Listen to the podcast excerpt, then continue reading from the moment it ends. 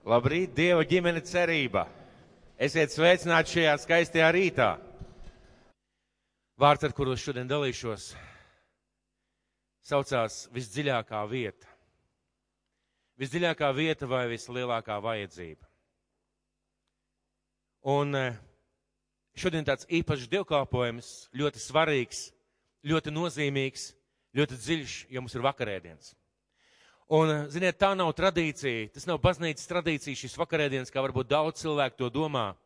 Tā ir tāda reāla Kristus pavēle, Kristus vēlēšanās. Viņa sirds tajā, kā cilvēki baudot vakarēdienu, atcerās viņa nāvi, viņa augšām celšanos.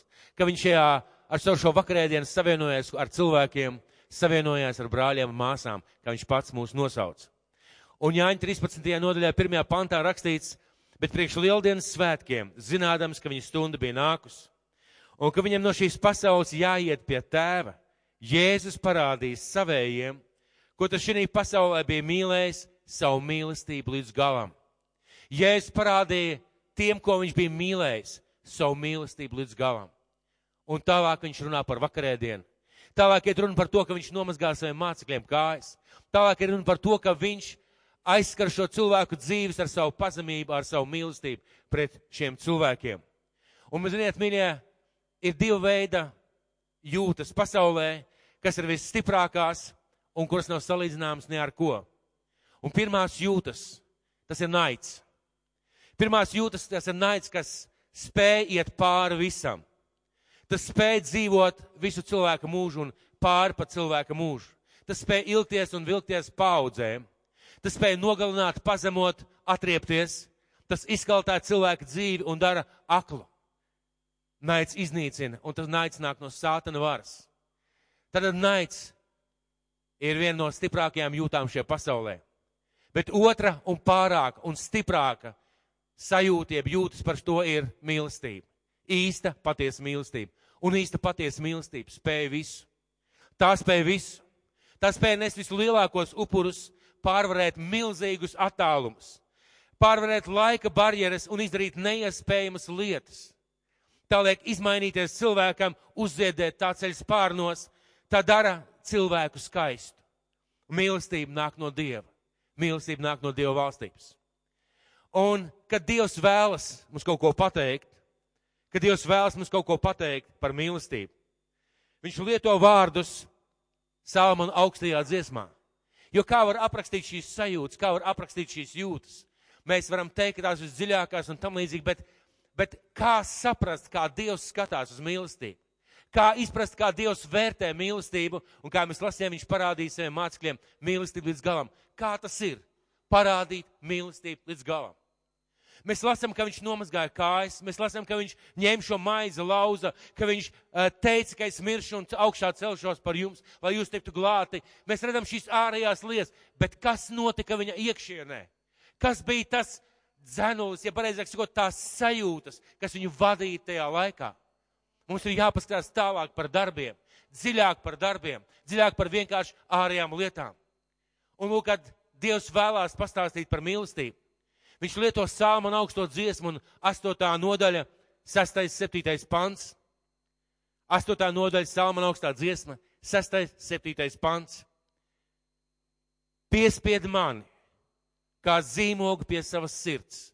To saka viņa līgava, viņa draudz. Un ļauj, lai es uzspiežos kā zīmoga gredzens uz tavas rokas. Jo mīlestība ir spēcīga kā nāve un tās karstums ir varans kā elle. Tās versme ir ugunīga, un tās liesmas ir kā dieva liesmas. Lieli ūdeņi nevar apdzēst mīlestību. Nedz arī ūdens traumas to apslīcināt un nomākt. Un Dievs šeit lieto pārsteidzošus, pārsteidzošus salīdzinājumus, ko viņš grib pateikt par mīlestību.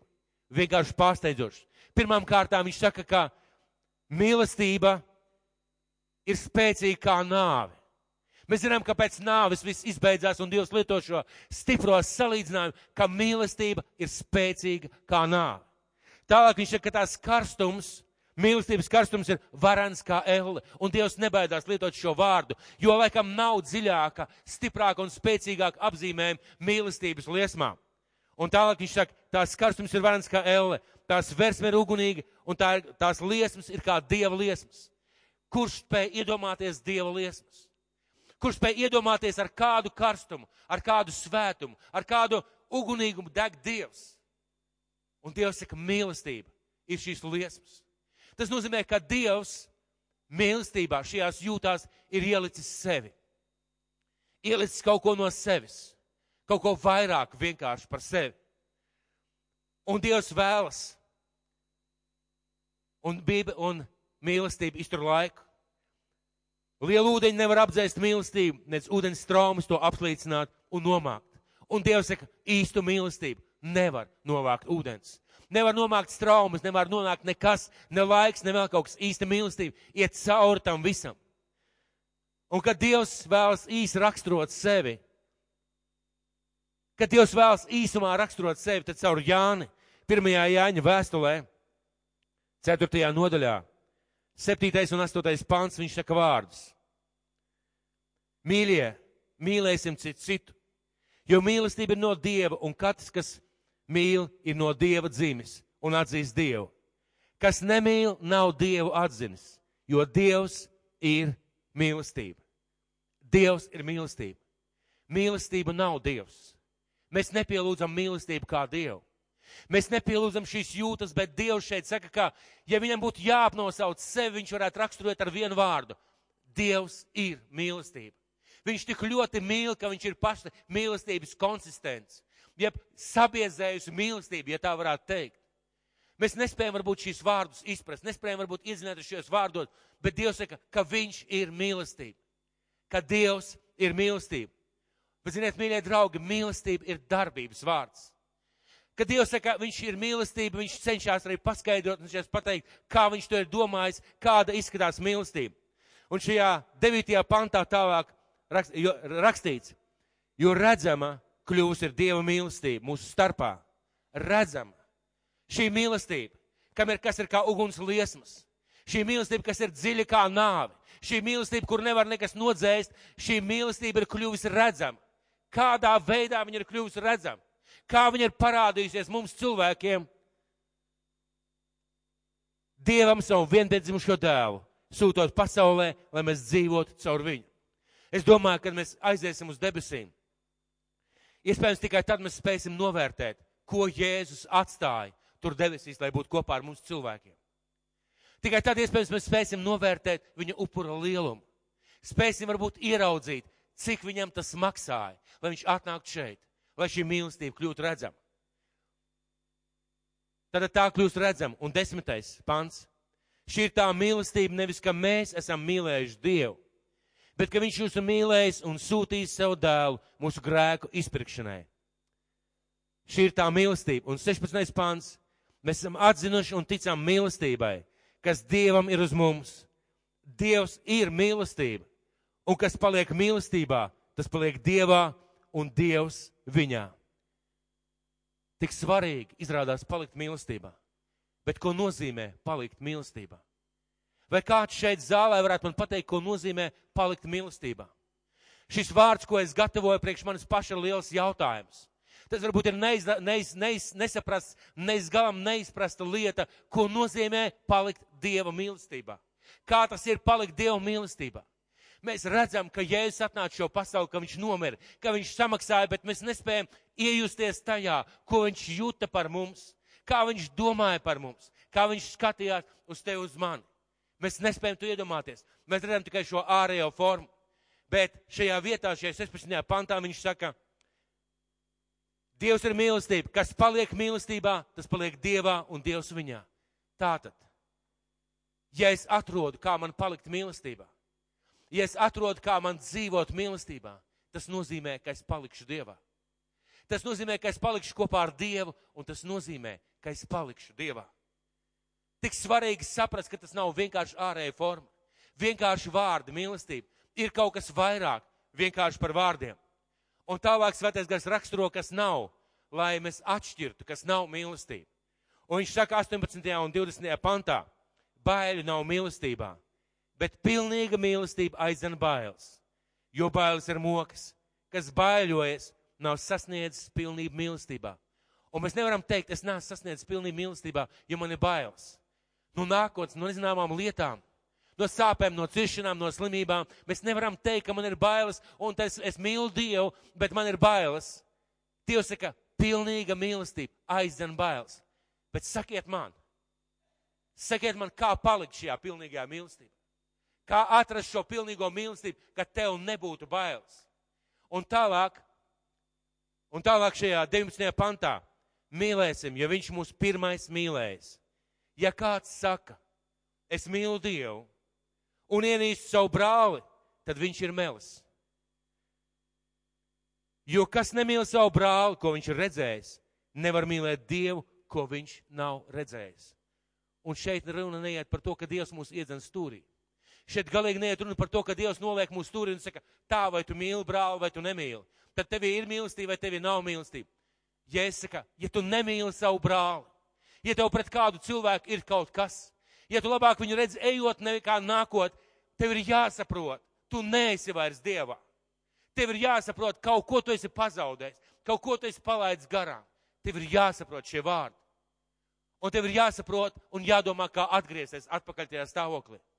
Nevar būt vienlaicīgi slapjš un sauss. Nav iespējams. Vai tu mīli Dievu un mīli cilvēkus? Un kā jau es teicu, mīlestība ir darbības vārds. Neviens nevar teikt, es mīlu Dievu, bet cilvēki man nav vajadzīgi. Tie ir maldi, tie ir vēlni meli. Nav iespējams mīlēt Dievu un nemīlēt cilvēkus. Nav iespējams būt kopā ar Dievu un nebūt kopā ar cilvēkiem. Ja es šeit ļoti skaidri pasaku, un viņš saka, ka Dievs ir mīlestība, ka Dievs ir mīlestība.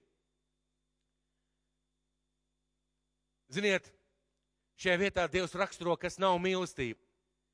Un mīlestība ir kaut kas tāds, kas nav nekam citam. Ir kāda ziedi, ir kāda īpaša ziedi.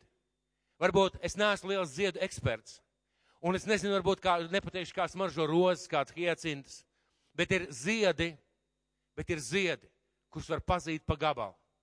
Piemēram, jasmīni.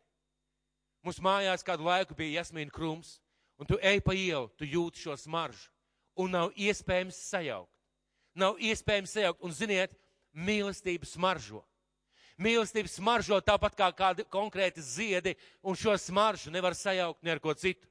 Pēc kā smaržo mīlestība? Tā ir, pirmām kārtām tā ir darbīga. Pirmām kārtām mīlestība, tā ir darbīga, un tā ir darbība. Otrām kārtām tajā nav bail, un trešām kārtām tā mīl cilvēks. Kur Jānis to ņēma? Kur Jānis ņēma šos vārdus, lai uzrakstītu? Ja mēs skatāmies ar šiem vārdiem, tad var pamanīt vienu niansu. Viņš ir tas, kurš raksta visvairāk par mīlestību. Viņš ir tas, kurš saka, ja jūs nemīlat cilvēkus, jūs nemīlat Dievu. No kurienes viņam nāca šīs atklāsmes? Kas viņam pateica šīs lietas, kas viņam ļāva tik dziļi ieskatīties Dievu būtībā.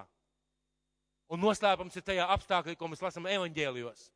Tad, kad Jēzus kaut kur gāja, Jānis bija vienmēr līdzās.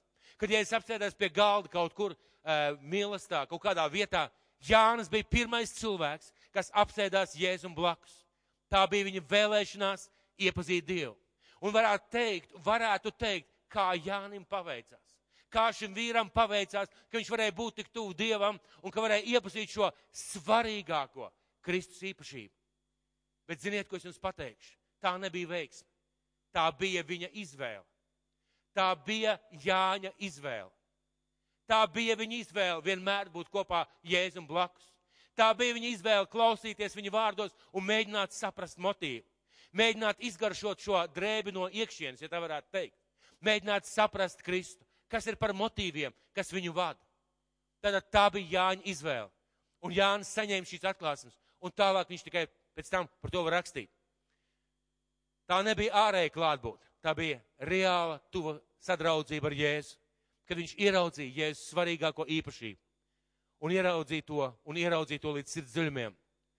Man šis gads personīgi ir veltīts Dievam. Iet ļoti raibi, ļoti sarežģīti, bet esmu nolēmis, un es to arī cenšos darīt, šis gads man ir veltīts Dievam. Kāds teiks, mācītāji, vai tad tava dzīve vispār nav veltīta Dievam? Vai iepriekšējais gads nebija veltīts Dievam? Nē, varētu teikt, tā bija veltīts kalpošanai, bija veltīts Dievam un sadalīts. Šis gads priekš manis ir veltīts Dievam. Un jūs ziniet, ka es mācu par personīgām attiecībām ar Dievu. Jūs ziniet, ka es daudz sludinu un runāju, un es cenšos pats pavadīt katru, laiku, katru dienu laiku kopā ar Dievu. Un kā mēs visi zinām, tās ir cīņas, tas ir upuris, ko mēs maksājam. Bet man visā tajā, šī gada sākumā, šī gada sākumā radās jautājums. Es lūdzu par savām attiecībām ar Kristu, par viņa pazīšanu. Es bieži vien lūkšanu istabā saku, kungs, es tevi nepazīstu. Atklāja man sevi. Atklāja man savu ceļu, lai es pazītu varu. Es bieži saku Dievam lūkšanu istabā, Dievs, atklāja man tēvu, atklāja man jēzu, atklāja man svēto garu. Es negribu būt kā cilvēks, kurš, kurš nepazīst Dievu personīgi. Es negribu būt cilvēks, kurš vienkārši turās pa gabalu un iztiek no citu cilvēku vārdiem vai atklāsmēm. Es tevi gribu pazīt. Un visās šajās sarunās, visās tajā, visā tajā, ko es prasu Dievam, es to prasu nepārtraukt. Man pēkšņi radās jautājums, kas ir pats galvenais, ko lūgt šajās attiecībās ar Dievu? Dievs ir bezgalīgs, Viņš ir ārsts, Viņš ir mūsu apgādātājs, Viņš ir mūsu skolotājs, Viņš ir mācītājs. Kas ir tas īpašais, tas centrālais, no kā viss sākās, kamā man ir jāiepazīst Dievs? Kas ir tā vissvarīgākā lieta, kamā man ir jāiepazīst Dievs? Un ziniet, es saņēmu atklāsmi. Es saņēmu atklāsmi. Man ir jālūdz piedzīvot, pārdzīvot, izdzīvot Dieva mīlestību. Līdz visdziļākajām tās niansēm, līdz visdziļākajiem nostūriem izdzīvot un piedzīvot Dieva mīlestību. Un ne tāpēc, ka jūs ziniet, man tāds karēvīgs raksturs vai esmu straujas dabas vai vienkārši darbīgs cilvēks. Ne tāpēc. Ne tāpēc bet tāpēc, ka no turienes viss sākās. Ka ja Dievs ir mīlestība, un tu neesi izdzīvojis šo mīlestību, piedzīvojis nevis vienkārši ārēji, Dievs tevi mīl, un es zinu, ka Viņš mani mīl. Bet kā? Kādā veidā? Un es sapratu, ka man jāsāk lūgt pēc reāla pārdzīvojuma ar Kristu. Pēc Kristus mīlestības iepazīšanas. Lūgt pēc pārdabiska piedzīvojuma, iegrimt Dieva mīlestībā. Pret mani. Un tas ir vajadzīgs arī tev. Tas ir vajadzīgs arī tev. Mīlestībai ir jābūt objektam, ko mēs cenšamies saprast, ko mēs cenšamies izpētīt, kamā mēs cenšamies dzīvot. Tu vari saņemt atklāsmi par to, ka Dievs ir dziedinātājs, ka Dievs ir ārsts, ka Dievs ir tavs kungs, ka Dievs ir tavs pestītājs, ka Dievs ir tavs glābējs. Bet kamēr tev nebūs šī dziļā pārdzīvojuma Kristu, ka Viņš ir mīlestība, ka Viņš ir mīlestība un kā un cik ļoti Viņš tev mīl, tu nespēsi tu nespēsi mīlēt cilvēkus. Tu varēsi teikt, tu varēsi domāt, tu varēsi cīnīties, un mēs daudz cīnāmies, bet realitāte ir tāda. Ja mēs nepazīstam viņa mīlestību, mēs nespējam atbildēt viņam ar pretmīlestību. Mums ir kaut kādas sajūtas, emocijas, lasot, lūdzot, slavējot, pielūdzot. Mums ir šīs emocijas, bet ziniet, ko es jums pateikšu? Tas ir varbūt pirmais līmenis vai pirmais pakāpiens kamā mēs pazīstam Dievu mīlestību. Ir kaut kas daudz vairāk. Ir kaut kas daudz vairāk. Ir kaut kas daudz vairāk vienkārši par vārdiem. Mums ir vajadzīgs izdzīvot, izbaudīt, izjust un atbildēt Dievam ar to pašu. Ja mēs nepiedzīvojam šo lielo atklāsmi, šīs dziļās attiecības ar Kristu viņa mīlestībā, mēs nespējam atbildēt cilvēkiem uz, uz viņu mīlestību var ārēji pazīt, var pazīt, palikt auglis. Es zinu kaudzēm cilvēkus, kurš saka, Dievs tevi mīl, bet viņi nemīl cilvēkus. Es zinu kaudzēm cilvēkus, kurš zina Bībeles tekstus, bet viņu dzīve liecina, ka cilvēki viņiem nav svarīgi. Es zinu kaudzēm cilvēkus, kuri pat kalpo un kalpo cilvēkiem, bet tu redzi, ka motīvs ir pavisam cits, nevis mīlestība. Un es sapratu vienu lietu. Ja man ir jālūdz kaut kas, visvajadzīgākais, visdziļākais, tad mans lūgums ir. Es lūdzu, lai Kristus atklāja man savu mīlestību līdz visdziļākajiem nostūriem. Bet jālūdz no iekšienes. Un ziniet, kas es domāju par šo piemēru? Es domāju, kā man noraksturot savas sajūtas, kā man jums pastāstīt, es, es ieraudzīju savā garā tādu kā stikla istabu. Un, ziniet, mēs šai, šai istabai bija tāda tumša stikla, tā varētu teikt, necaurspīdīga stikla. Un mēs varam Dievu mīlestību aptaustīt šādi, pieeja pie šiem stikliem aptaustīt. Redzēt, ka, ir, ka tā ir istaba, redzēt, ka tur kaut kas ir iekšā, varbūt sajust siltumu no turienes, varbūt kādu skaņu no turienes. Mēs aptaustam, mēs aptaustam, sakot, Jēzus man mīl, Jēzus par mani nomira, es skatos uz viņa golgāts upuri, šī ir aptaustīšana no ārpus. Bet, ziniet, pavisam cita lieta, ka tu ieej iekšā šajā istabā, ka tu ieej iekšā un no iekšienes, no Dieva iekšienes skaties uz savu dzīvi, ieraugi tur sevi aiz tā stikla ieraugi tur cilvēkus aiz tā stikla, Tu skaties no Dieva iekšienes ar Dieva emocijām. Un tas ir kaut kas tāds, ko Dievs saka, palieciet manī. Un jūs paliksiet Dievā. Palieciet manā mīlestībā. Un jūs paliksiet Dievā. Un es saprotu, ka ļoti daudz cilvēku aptausta Dievu no ārpuses. Caur bībeli, caur vārdiem, caur sludinājumiem, caur sprediķiem. Bet ir tik ļoti vajadzīgs iegrimt šajā mīlestībā. Un tad es sāku domāt, kur vārdā, kur Bībelē ir tāda vieta, ka man ir jāiepazīst mīlestība. Kur Bībelē ir tāda vieta, ka man ir jālūdz Dievs atklāja man savu mīlestību. Cik bieži mēs lūdzam, Dievs dod mums spēku un ir vajadzīgs spēks. Dievs dod man atklāsmi, mums ir vajadzīgs atklāsmes. Dievs dod man svētības, Dievs dod man palīdz dziedināšanu, ir vajadzīgs šīs visas lietas. Bet ziniet, kas ir? Svarīgāk par visu. Es sapratu, ir lūk, lai Dievs atklāja mīlestību. Jo no turienes, no turienes tu spēsi mīlēt cilvēkus, un no turienes tu spēsi palikt Dievā. Un es prasīju Dievam, un es domāju, kurā vietā ir Bībelē tāda vieta. Un vēstulē efeziešiem, vēstulē efeziešiem ir tāda rinda, tādas rindas. Vēstulē efeziešiem tādas rindas. Trešā nodaļa, 14 līdz 19. pants. Tādēļ es loku savus ceļus tā tēvu priekšā, no kā, no kā ik viena cilts debesīs un virs zemes dabū savu vārdu. Lai viņš savā bagātībā un varenībā jums dod savu garu, un lai tu pieaugt jūs iekšējiem cilvēkam. Pāvils šeit lūdz par šiem cilvēkiem. Viņš saka, es lūdzu, lai, pie, lai pieaug jūs iekšējais cilvēks. Es lūdzu, lai pieaug jūs iekšējais cilvēks. Viņš varētu lūgt par gara dāvanām. Viņš varētu lūgt par atklāsmēm, viņš varētu lūgt par kalpošanu, viņš varētu lūgt par, par negrēkošanu, viņš lūgt par daudzām lietām. Bet viņš zina, ka no mīlestības iepazīšanas viss tikai sākās. Un lūk, ko viņš tālāk saka. Likt pieaugt jūs iekšējiem cilvēkam, un lai Kristus jums ticību turot, mājot jūs sirdīs. Lai jūs iesakņotos un stipri stāvētu mīlestībā. Mīlestībā ne gudrībā, ne spēkā, ne paļāvībā, ne drošībā, ne svētībās, bet lai stipri stāvētu mīlestībā, ka līdz ar visiem svētajiem jūs spētu aptvert.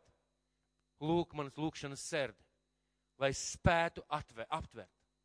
Dievs, es negribu vienkārši lietot vārdu mīlestība. Es nevēlos vienkārši sludināt, ka Dievs ir mīlestība. Es vēlos pazīt šo mīlestību no iekšienes. Es vēlos pazīt, kā viņas maržo. Es vēlos iet tajā istabā un aicinu tevi līdzi. Es vēlos tev domāt dziļāk un tālāk un vairāk dievā nekā vienkārši tikai vārdi. Es vēlos iet šajā mīlestībā. Un tālāk viņš raksta, ka līdz ar visiem svētiem jūs spētu aptvert, kāds ir platums, garums, augstums un dziļums. Un izpastu Kristus mīlestību, kas ir daudz pārāk par katru atziņu un ar to piepildīt, iegūt visu Dieva pilnību. Mīļie, ja es saku, ka jūs saprastu, kas ir mīlestība, un ar to piepildīt, jūs iegūt visu Dieva atziņu. Viņš saka, ka mīlestība ir pārāka par atziņu, pārāka par gudrību, pārāka par dāvanām, pārāka par svaidījumu. Mīlestība ir pārāka par visām šīm lietām, jo tikai iepazīstot mīlestību, mēs spējam stāvēt un iegūt Dievu pilnību. Tas nozīmē, ka tas, pēc kā mums visvairāk jāmeklē, visvairāk jālūdz, visvairāk jāprasa Dievam, šis piedzīvojums, šis pārdzīvojums, iepazīt Dieva mīlestību. Iepazīt, cik ļoti viņš mīl mani. Un iepazīt, cik ļoti viņš mīl cilvēkus. Un atbildēt Dievam ar to pašu. Un atbildēt Dievam pašu platums. Šeit ir minēta ļoti interesants lietas. Kāds ir mīlestības platums? Kāds ir mīlestības platums?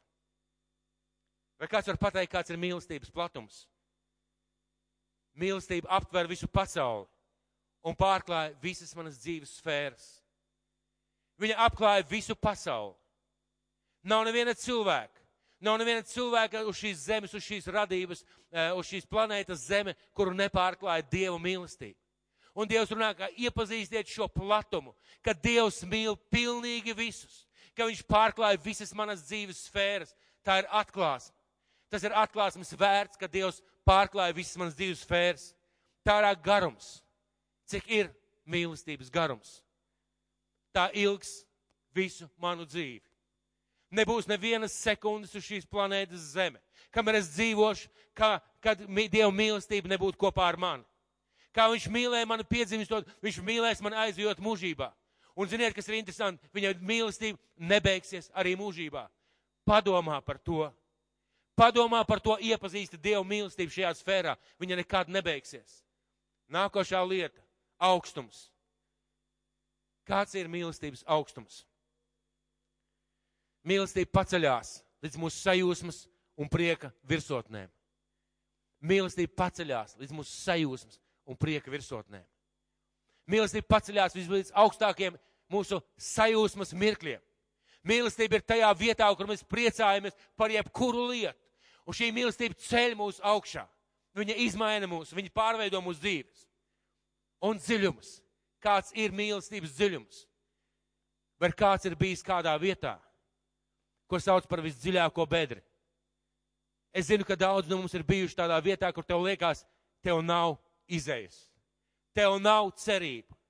Tev, pat tu esi Dieva bērns, bet tu nesaproti, kas tālāk notiks.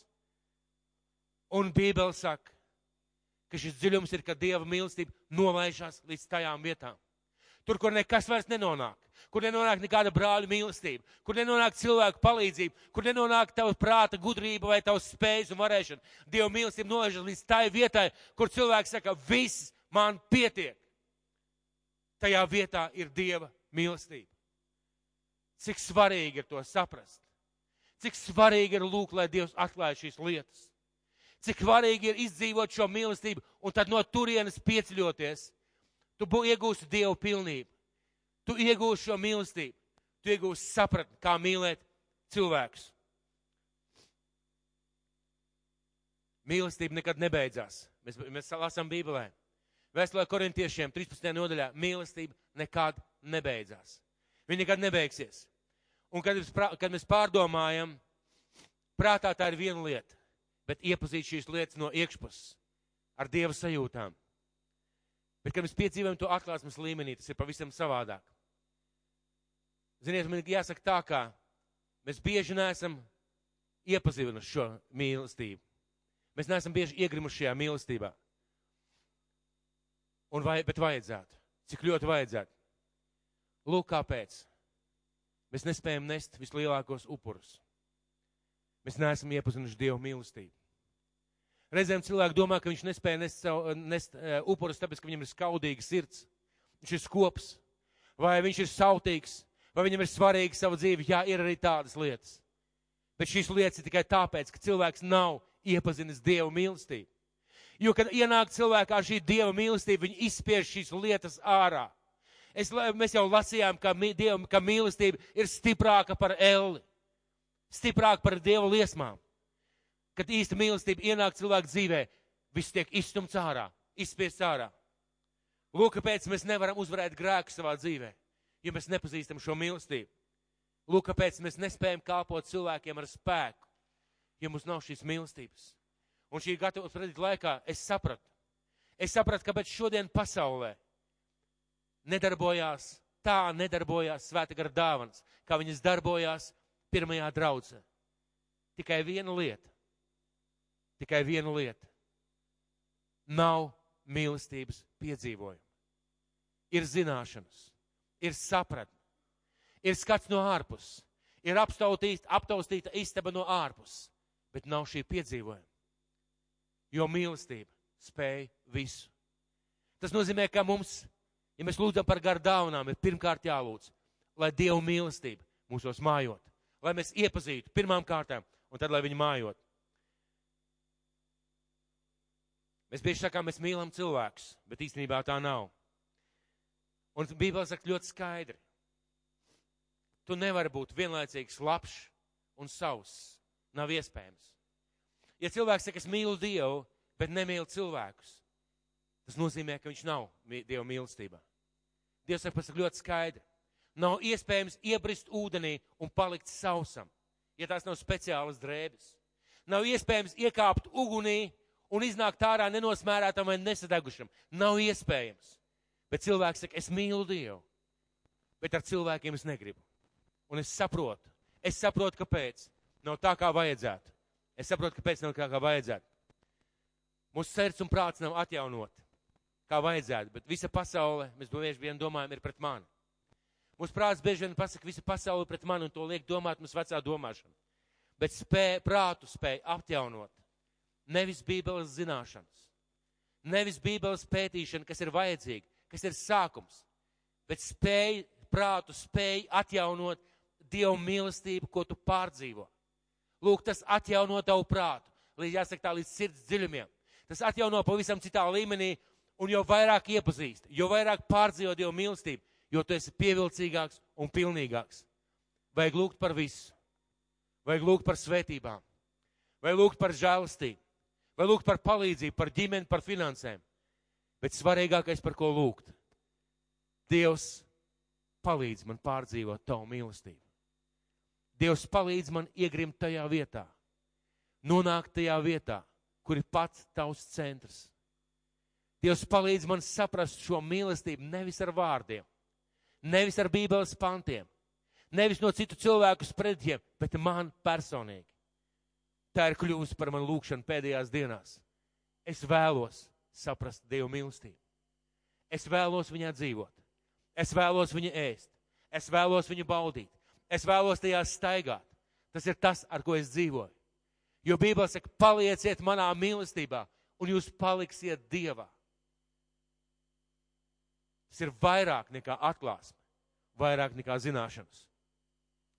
Un tiem cilvēkiem, kuri varbūt šobrīd šeit sēž, un vēl nepazīst Dievu mīlestību, es gribētu teikt, es gribētu teikt, tu vari izvēlēties dzīvot bez mīlestības, dzīvot bez nākotnes, dzīvot bez Dieva savā, savā dzīvē, dzīvot bez Dieva rokas. Un tā vienmēr arī klausīties, ka Dievs tevi mīl, un tā arī nekad nesaprast, vai tiešām Dievs mani mīl. Vai šajā dienā izvēlēties atdot Dievam savu sirdi. Mēs jautājums ir, kā atdot Dievam savu sirdi. Kā toties šai mīlestībai, Bībele saka ļoti konkrēti un skaidri. Ja tu ar savu sirdi ticēsi un savām lūpām apliecinās Kristu savā dzīvē, tu tiksi glābts. Tas nozīmē, ka es ar sirdi ticu un ar lūpām apliecinu. Lūksim, lai Dievs mums ļauj pārdzīvot viņa mīlestību.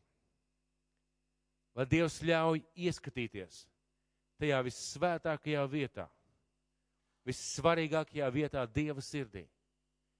Tajā vietā, no kurienes viss sākās.